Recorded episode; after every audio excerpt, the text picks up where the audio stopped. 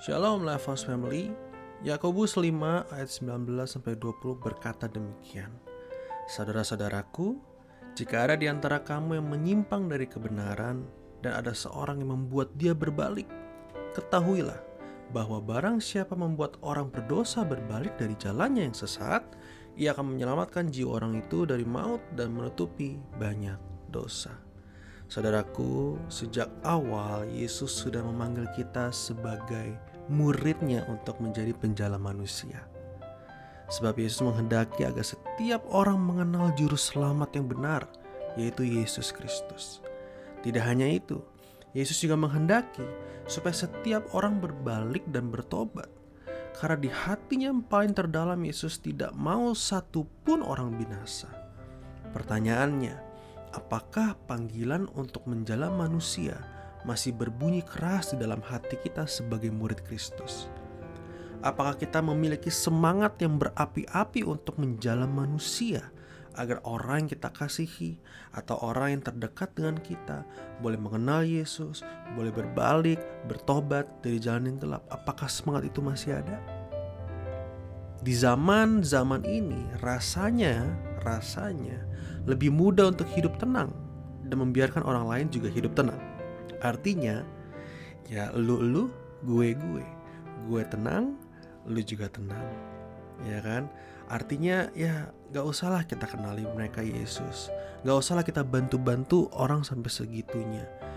Gak, gak usah lah kita tegur-tegur orang sampai sebegitunya. Aduh nanti kalau dikasih tahu Nanti dia berpikir Aduh orang Kristen kok sempit banget.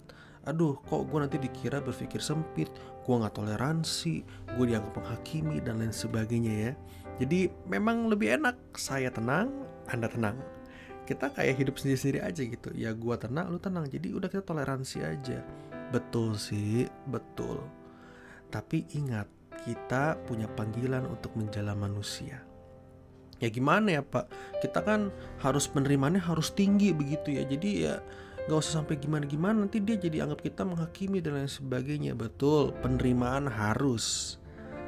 Tapi ingat, di dalam penerimaan itu kan ada kasih. Nah, kasih sifatnya juga di dalam kasih itu ada ada ada upaya keselamatan, ada upaya menjala supaya kita menyelamatkan saudara kita yang tersesat yang terbelenggu dalam kesalahan dan dosa. Jika kita memang sungguh-sungguh mengasihi, bukankah kita akan aktif Bapak Ibu mencari cara agar bagaimana orang tersebut bisa berbalik dari jalan yang sesat? Tentu pasti memang Yesus jawabannya, bukan kita yang mengubah orang itu. Yesus jawabannya melalui roh kudusnya yang akan bekerja. Tapi hati kita udah belum sungguh-sungguh aktif mencari cara bagaimana orang ini bisa lepas dari belenggu kegelapan, lepas dari kesesatannya. Yakobus berkata bahwa barang siapa membuat orang berdosa berbalik dari jalan yang sesat, ia akan menyelamatkan jiwa orang itu dari maut dan menutupi banyak dosa. Jangan biarkan orang lain binasa karena ketidaktahuannya. Setuju juga. Karena sedih sekali. Kalau orang udah tahu, kita sudah orang sudah tahu kebenarannya, kita sudah memberitahu, menegur, yaitu lain cerita. Tapi kalau kita melihat orang-orang yang mungkin dia tidak tahu dan kita membiarkan itu, sedih sekali. Kita ini penjala manusia, kebenaran harus disampaikan. Karena hanya kebenaran yang mampu memerdekakan orang dari jalan sesat. Cuman firman Tuhan yang mampu memerdekakan orang. Nah, kita bisa memulai kasih atau kita bisa melakukan apa yang menjadi tugas kita menjadi penjala manusia mulai dari doakan mereka. Sudahkah kita menyebut nama mereka di dalam doa kita?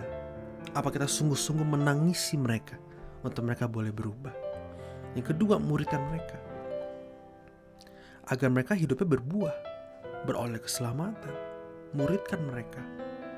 Terus gimana Pak kalau dikasih tahu, udah didoain, udah dimuridin, masih begitu aja. Nah, ini dia ada dua hal Bapak Ibu. Yang pertama, pastikan dulu kita sudah melayani dia, sudah berdoa dia, sudah lakukan segala cara yang terbaik dengan segenap hati untuk Tuhan, bukan untuk manusia. Kita udah lakukan terbaik. Itu yang pertama dulu. Yang kedua, Tuhan nanti akan beritahu kasih alarm kepada kita kapan kita akan cukup berurusan dengan orang itu. Nah, jadi dua hal ini saudara perlu ingat. Kita ini menjalan manusia Dua hal ini yang perlu kita ingat. Pastikan kita sudah melayani maksimal, berdoa maksimal. Lakukan itu seperti untuk Tuhan, bukan untuk manusia.